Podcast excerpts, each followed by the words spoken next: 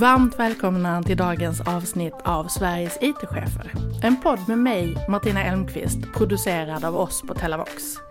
Vi är ett techbolag i telekombranschen som har en världsledande molnbaserad kommunikationsplattform med lösningar för effektiv telefoni, växel, chatt och mycket mer. Idag har jag faktiskt med mig en av våra lyssnare, Magnus Andersson som är CEO på Infrasight Labs och en person som dagligen arbetar med att förbättra IT-chefens vardag, effektivisera den och bland annat använder då sin egen innovation V-scope.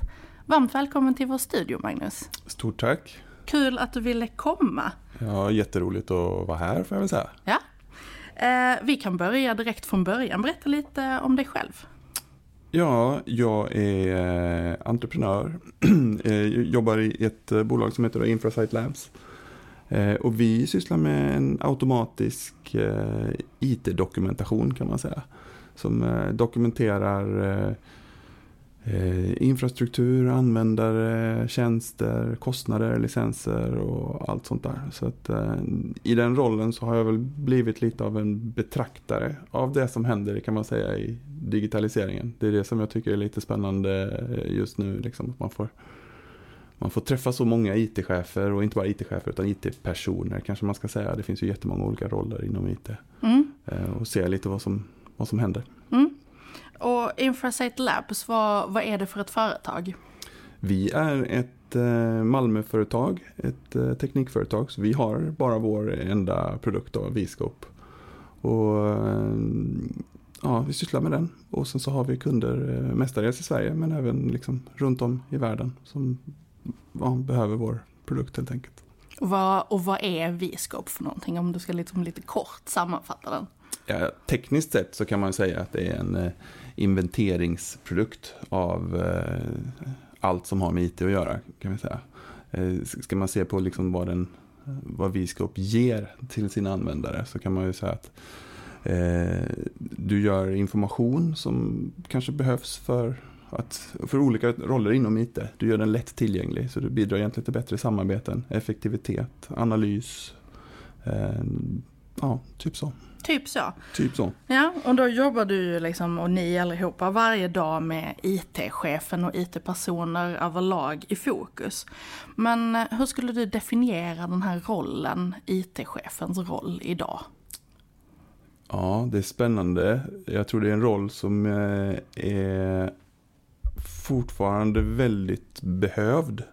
Eh, men den kanske kommer att förändras lite med tiden.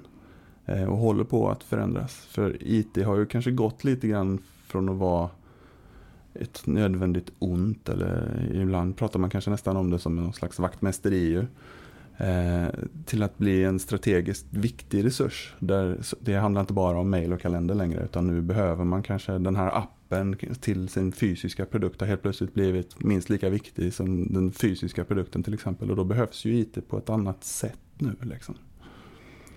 Mm, och precis lite det var jag inne på så det här med förändringen av rollen. Jag har ju också hört den här äh, lite, lite bilden av att en IT-ansvarig eller en IT-chef har varit som en typ av digital vaktmästare. Äh, men att rollen nu har förändrats. Äh, och tror du att hänger det ihop med liksom den allmänna utvecklingen av digitaliseringen eller finns det någonting annat bakom? Först och främst så tror jag att den här rollen, den digitala vaktmästaren, den är ju den är lite oförtjänt eller vad man ska säga. För att jag tror, jag vet inte själv om du tänker att du kommer in på jobbet på morgonen och så, så öppnar du upp mejlen och så har du fått mejl och så tänker du yes, det funkar. Eh, och eh, så, så, gör man ju inte. Eh, men det är ju faktiskt IT-avdelningen och inte bara IT-chefen utan hela IT-avdelningen. För jag vill komma till det att det, det finns väldigt många olika IT-roller och de blir bara fler. Att det är egentligen det är de som är de tysta hjältarna som faktiskt får den här digitaliseringen och, och hända då. Mm. Ja, och vilka fler roller? För, att, för, för de som inte kanske är så himla insatta i arkitekturen bakom en IT-avdelning. Vilka fler roller ser du? Och vilka kanske ser du som är de verkligen i bakgrunden? Som vi inte pratar så mycket om. Ja, men det här är superspännande. Eh, traditionellt sett så har man ju haft kanske en IT-chef och sen så har man haft eh, it-driftsidan och sen applikationssidan och så supporten. Så ser ju oftast en typisk IT-avdelning ut. Men det vi ser nu det är ju att man kanske kan fortfarande låsa i de här eh, strukturerna men att det dyker upp lite nya roller. För att behoven har ju ändrats lite grann. Ehm, tjänsteägare, nu kanske till och med att liksom själva IT-funktionen inte jobbar på IT-avdelningen längre. För helt mm. plötsligt en marknadschef kanske ska vara minst lika involverad i ett nytt CRM-system eller en produktchef kanske behöver förstå den bakomliggande IT-arkitekturen för att kunna utveckla rätt produkter helt plötsligt. Då.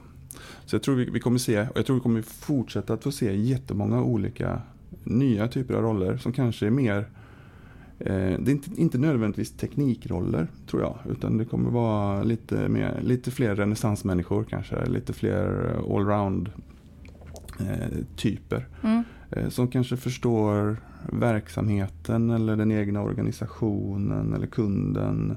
Eh, för att hela digitaliseringen, om den ska funka, så handlar det om att alla de här olika rollerna eller profilerna, de ska mötas på något sätt. Liksom. Mm. Så, och, och det är där jag tror att IT-chefens nya roll kommer ju vara mer som en koordinator eller möjliggörare liksom, eller samordnare av alla de här olika initiativen. Ja, och det här låter ju också lite som att olika roller på ett företag och att kanske ju större företaget blir desto fler olika stakeholders finns det. Men eh, att det också måste breddas någon typ av kompetens i en marknadschefsroll eller i en ekonomichefsroll eller så för att förstå eh, nyttan av till exempel olika IT-system. Mm. Är det någonting som ni också har sett har skett eller är det fortfarande en brist eller hur ser det ut? Jo, men jag tror alla måste vara eh, med i digitaliseringen. Eh, och det är inte ITs roll att, eh, att föra det framåt så att säga. Och så tror jag inte heller att, det, att det är idag. Utan en, en lyckad digitalisering, då, då tror jag att du har alla de här olika delarna av ett företag eller organisation som samverkar. Mm. Eh, för en bra digitalisering tror jag inte drivs av teknik egentligen, utan av någon form av eh, eh, ganska generell nytta. Man vill uppnå någonting. Liksom. Det är därför jag tycker det är så viktigt att företagen själva eller organisationerna själva måste kanske förstå vad det är, varför vill vi digitalisera så att det inte blir en, en teknisk experimentverkstad på något sätt.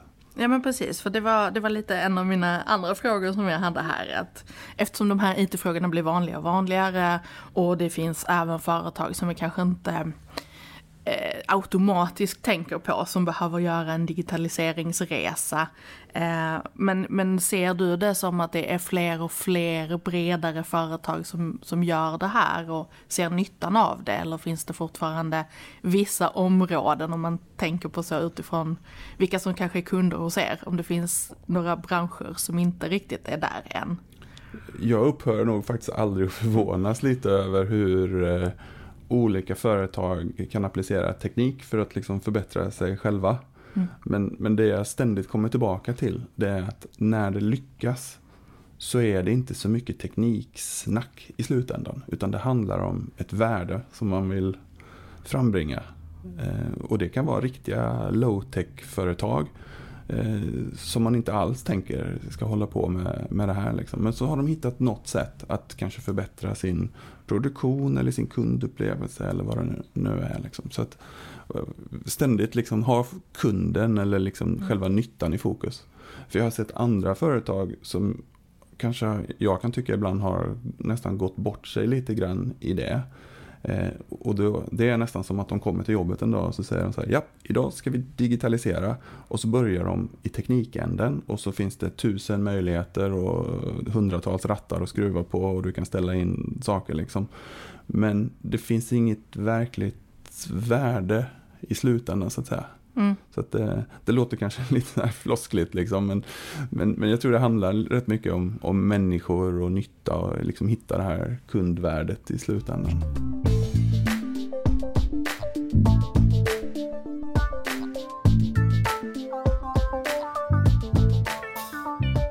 Ja, för vi snackade ju lite innan vi började här om att ni också precis har gjort en eh, webcast och pratat lite om det här eh, hos er. Eh, och då var jag ju nyfiken på om du hade liksom kommit fram till om det finns några nackdelar med att bli alltför digitalt fokuserad. Det kan det säkert bli. Liksom. Jag, jag tycker inte man ska bli, om, om vi säger digital i sig är ju etta eller nolla. Liksom. Och jag tycker inte man ska vara allt för digital. Utan jag tror fortfarande väldigt mycket på så här magropskänsla och sunt förnuft och alla de här sakerna. Men jag kan ju se en trend nu. Vi pratade ju om liksom det här modeordet nu då, datadrivet mm. till exempel. Och jag tror att det kan vara kanske farligt att bli allt för datadriven. Eh, det finns ju jättemycket bra saker du kan göra med att vara datadrivet men det är liksom inte hela sanningen alltid. Och som vi då som jobbar med att utveckla och ständigt försöka förbättra en produkt för en kund. Och kunden vet inte alltid vad de letar efter eller vad de är bra. Du, du vet Henry, Henry Ford var det väl som sa liksom, så hade jag frågat kunderna vad de vill ha så hade de bara velat ha en dubbelt så snabb häst. Mm. Eh, jag, jag, tror det var något sånt va. Eh, och jag tror att, eh, nu glömde jag bort vad jag ska säga här men eh, men det handlar om att vara för, allt för datadriven. Ja, förlåt. Eh, jag tror att väldigt många saker kanske kan gå förlorade. Därför att om du bara är datadriven så tenderar du att mäta sånt som är lätt att mäta. Och, om du, och det är samma sak där. Om du bestämmer dig först för att nu ska vi bli datadrivna. Då börjar du mäta tusen saker. Innan du börjar förstå vad är det jag ska mäta för att bli bättre. Mm. Eh, och det kanske det som du behöver för att bli bättre, det kanske är ganska svårt att mäta. Och då, det kanske finns någonstans i din magkänsla ibland. Så jag säger inte att man inte ska vara datadriven nu då, för det, det, tror jag man kan göra jättemånga bra saker med och vi försöker också vara väldigt datadrivna. Men du måste alltid blanda in det här lilla sunda förnuftet och maggropskänslan. för annars finns det nog en risk att du fokuserar mer på på KPI och sånt som går att mäta och inte på det där som kanske inte gick att mäta. Eller som liksom du inte har kommit på hur du ska mäta. Men det fanns ju något exempel, det påminner mig nu om att det fanns ju något exempel också från någon eh, typ av eh, marknadsföring eller det liksom som också skulle göra kundundersökningar som sa det att om vi bara hade utgått ifrån vad människor redan söker på på Google och använt det som vårt underlag för vad människor är intresserade av. Ja, exakt då snurrar vi bara i samma hjul. Och egentligen är det utanför det här hjulet som nästa innovation ligger. Precis, det, är den som går vilse som hittar de nya vägarna. Ja, det finns, må det finns många sådana floskler eller citat eller vad jag vill kalla det. Ja, nej, men jag tror ganska mycket på det. Att mm. du måste våga liksom bryta normen lite. Och också fokusera på vad är det vi som företag vill leverera eller ska leverera. Så att man inte, eh, som du säger, kanske fortsätter att optimera lite snett hela tiden. Liksom. Mm. Men eh, var det så också ni liksom utvecklade V-scope? Att, att, hur kom ni fram, eller hur kom du fram, eller ni som arbetar med det fram till den idén? Eh, V-scope är ju egentligen produkten av eh, någon form av kärlek till teknik i början och, och någon form av vilja att eh, driva eget företag och, och sådär. Eh, så, så det är egentligen helt fel om du läser en bok om hur du ska starta ett företag. Så det, det är verkligen bör, liksom, har tagit sin början i en teknisk innovation. Men sen i alla så här kundkontakter som vi har haft, för vi började verkligen att försöka ut innan vi ens hade en produkt och gå ut och prata med kunder, visa vad vi hade byggt eh, och få feedback. Och det här, hänger väldigt, det här hänger ihop med egentligen digitalisering eller egentligen det som jag sa innan. Du måste ha fokus på nyttan och på kunden och verkligheten. Så när vi gjorde detta så fick vi ju alltid någonting med oss och det kanske var ännu viktigare än den första fakturan egentligen att få, att få feedback. Och mm. sen få iterativ feedback. Liksom. Och sen så har den här resan för oss, liksom, den har egentligen bara fortsatt så att en, en, det som börjar med en kärlek för teknik, det blev kanske en kärlek för kunder eller för ett kundvärde. Och sen när du växer som företag så måste du också ha någon slags kärlek för att bygga en organisation och jobba med, med människor och alltså trevliga kollegor och få dem att växa och få liksom de här hjulen att snurra mm. lite mer automatiskt. Liksom. Ja, och det är liksom också en ganska intressant filosofi att på något sätt utveckla eh, sin produkt eh, med hjälp av kunderna och tillsammans med kunderna. Eh, för att komma vidare, för att då också faktiskt förstå eh, problematikerna som finns också. För att eh, det är jag också lite nyfiken på om du har några vilka största utmaningar IT-chefen eller de som jobbar i IT-roller idag har. Har du någon sån liksom som du kan pinpointa, det här är topp tre utmaningar? Ja, jag tror... Ja, om det är topp tre vet jag inte. Men jag tror att en utmaning är givetvis att hänga med. Eh, och då tillbaka till det här att det handlar kanske inte bara om att hänga med i senaste tekniken.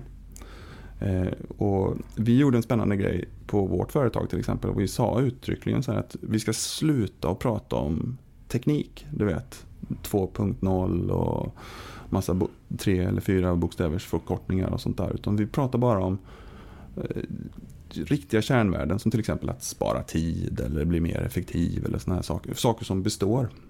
Eh, och jag tror att som, som IT-chef eller IT-person idag så tror jag kanske vill du vara med i digitaliseringen så kanske det är minst lika viktigt att du förstår vad är det det här företaget gör.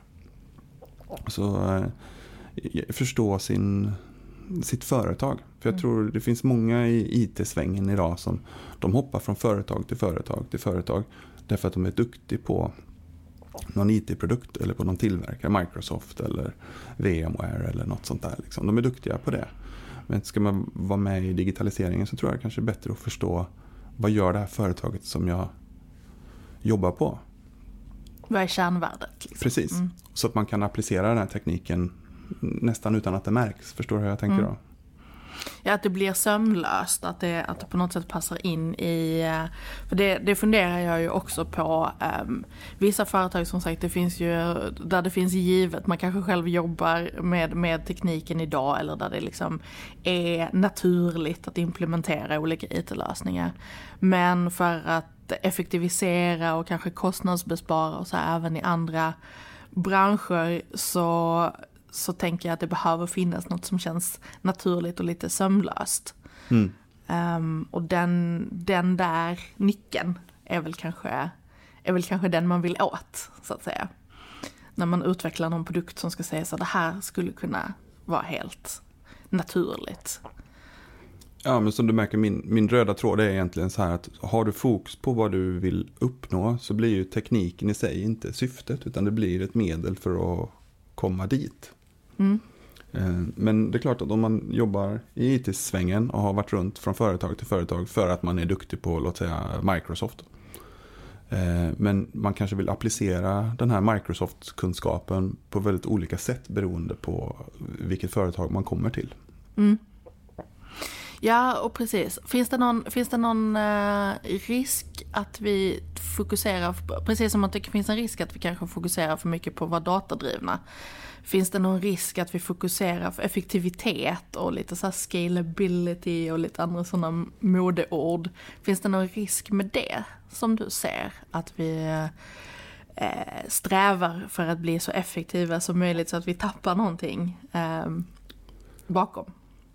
Alltså i grunden så företag finns ju till för att tjäna pengar till exempel. Det är ju, en, det är rätt grundläggande eh, trots allt. Liksom. Så det tror jag att det ska nog företag fortsätta att göra. Sen tror jag som människa att det är klart att blir man alldeles för smalspårig så, så blir det tråkigt. Och precis som du var inne på själv här, liksom, då kanske man, in, man kanske missar de här andra innovationerna på vägen. Så jag tror så, som människa så tror jag att man ska försöka vara, se lite brett på saker och ting. Och det tror jag gagnar även businessen. Man kanske kommer på någon bra grej på, mm. på vägen också. Ja, för vänder man på det så kan man säga att man då frigör mer tid till att faktiskt ha tid att bli eftertänksam eller ha tid att sitta ner och, och kanske fundera lite på olika problem för att man har en lösning i bakgrunden som har effektiviserat sig. Så kanske det blir eh, en nyckel till framgång istället. Ja, och sen är det också hur man definierar vad som är, hur man har väl förvaltat sin tid. För tid är ju faktiskt, man tänker inte alltid på det, men det är ju faktiskt en av de råvaror som företag betalar som allra mest för. Mm. Eh, och det som skiljer den här råvaran från de flesta andra råvaror det är ju faktiskt att du inte kan, kan inte lägga den på lagerhyllan utan den, den löper ju på så att säga. Men det är ju inte säkert att, att du är effektiv bara för att du gör väldigt många uppgifter på en dag. Mm. Det kan ju faktiskt vara så att du bara sätter dig och fikar och kommer på nästa stora grej. Liksom. Mm. Så, att, och då, så, så det handlar lite om hur vi definierar vad som är väl använd tid eller inte. Precis. Och det, kanske, och det kanske bara är den här maggropskänslan som kan, som kan avgöra det till sist. Liksom.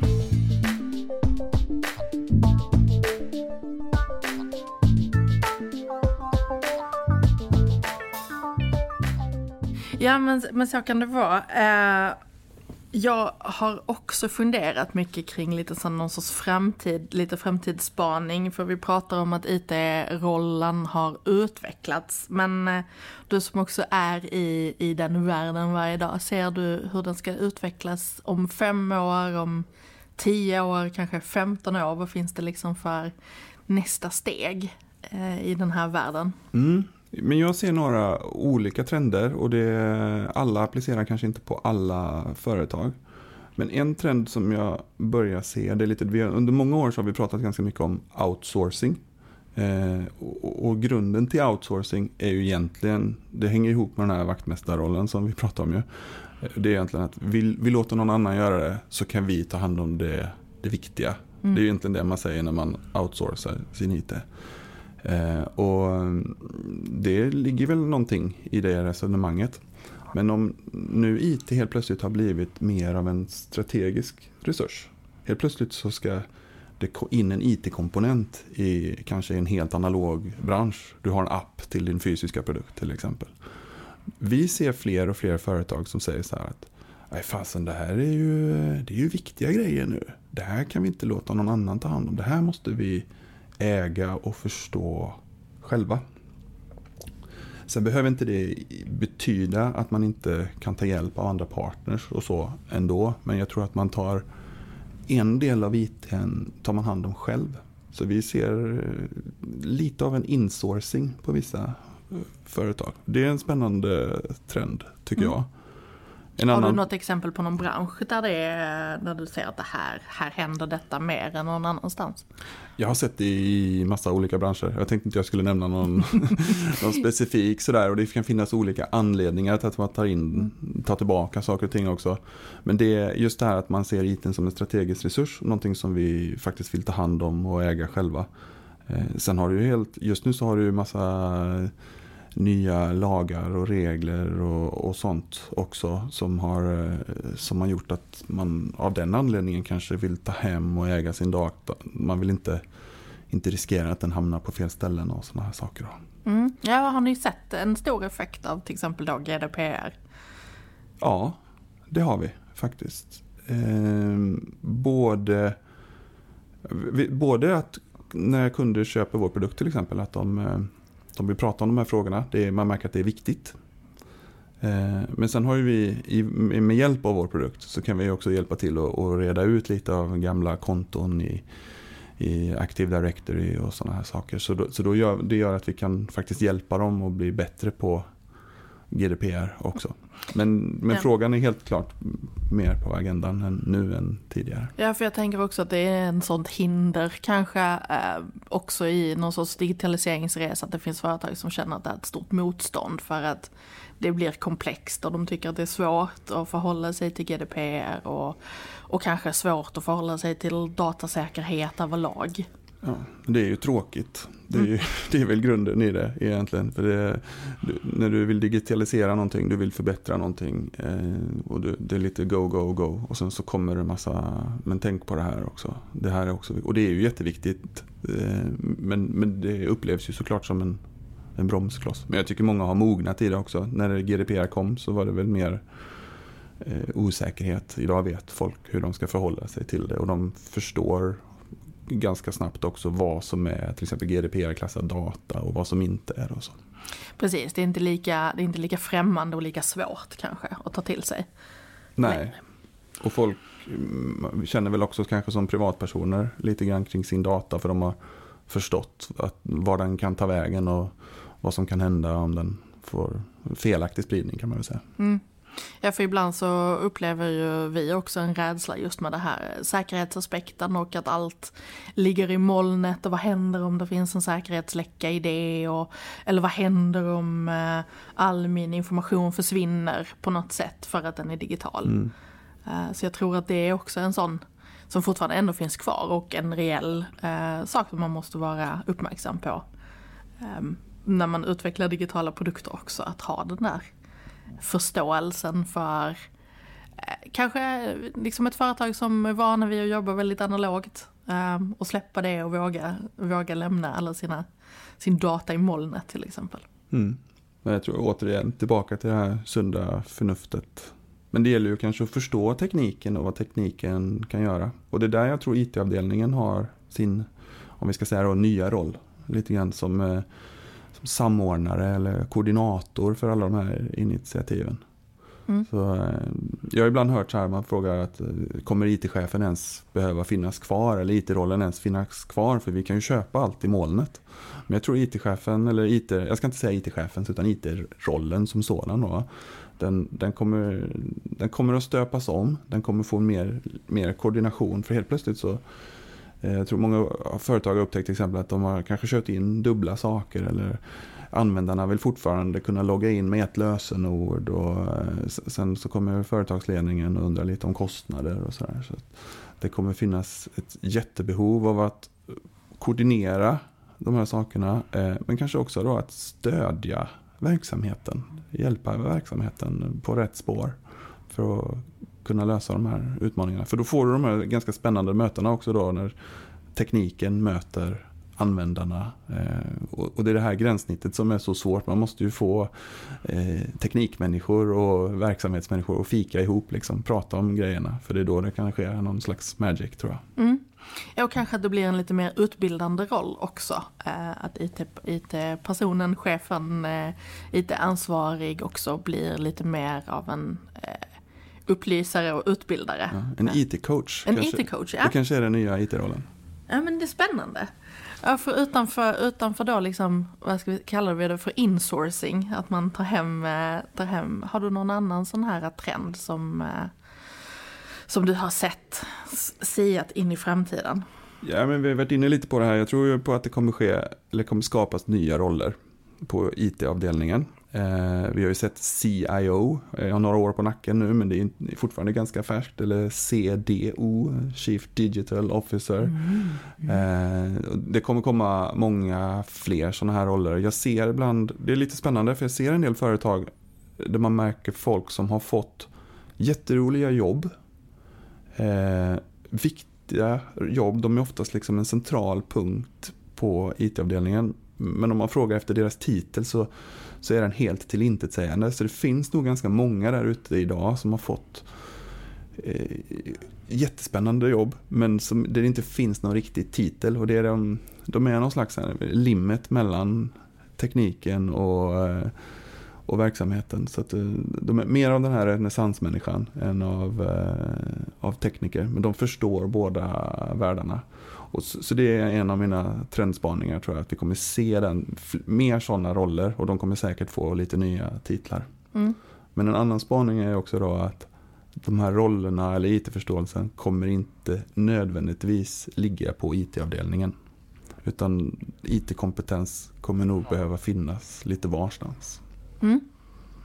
Ja, ja men det, det, jag är inte oenig i det. Jag tror att det, det stämmer. Men eh, hur tror du att, att företag ska kanske uppnå det? Eh, om man inte naturligt har personer som Alltså man traditionellt är utbildad inom finans eller marknadsföring eller någon helt annan roll, administration på företaget.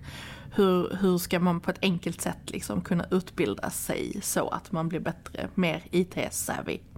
Men tror du inte att IT-mognaden idag kommer nästan med, med skolgång och nästan med modersmjölken? Jag på säga. Men eh, jag tror att de flesta människor idag har en, liksom en rätt så hög IT-mognad i sig. Så att även om du är utbildad marknadsförare så kan du inte ha undgått att komma i kontakt med IT på något sätt. Nej, det, det, är jag helt, det är jag helt med på. Men jag tänker att också kunskapen i att förstå vad är ett för det finns ju som vi alla vet oändliga system som man kan använda. Det finns liksom tusen olika mätprogram och det finns tusen olika, olika CRM-system och så här. Tror du inte att man behöver någon typ av liksom liten kompetenshöjning kanske för att säga hur väljer jag rätt CRM-system? Hur ska jag ställa rätt frågor eh, för att köpa in rätt produkter liksom?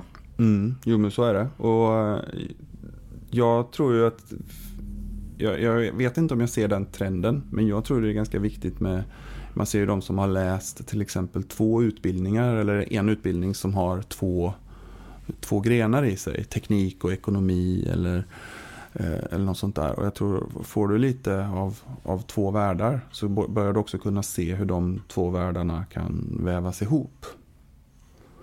Och det, det tror jag kan vara en, en viktig ingrediens men jag är inte säker på att jag ser den trenden för jag ser rätt mycket av specialisering idag. Eh, och det kanske kan vara bra ibland men jag, jag tror ganska mycket på eh, det här breda synsättet. Mm. Mm.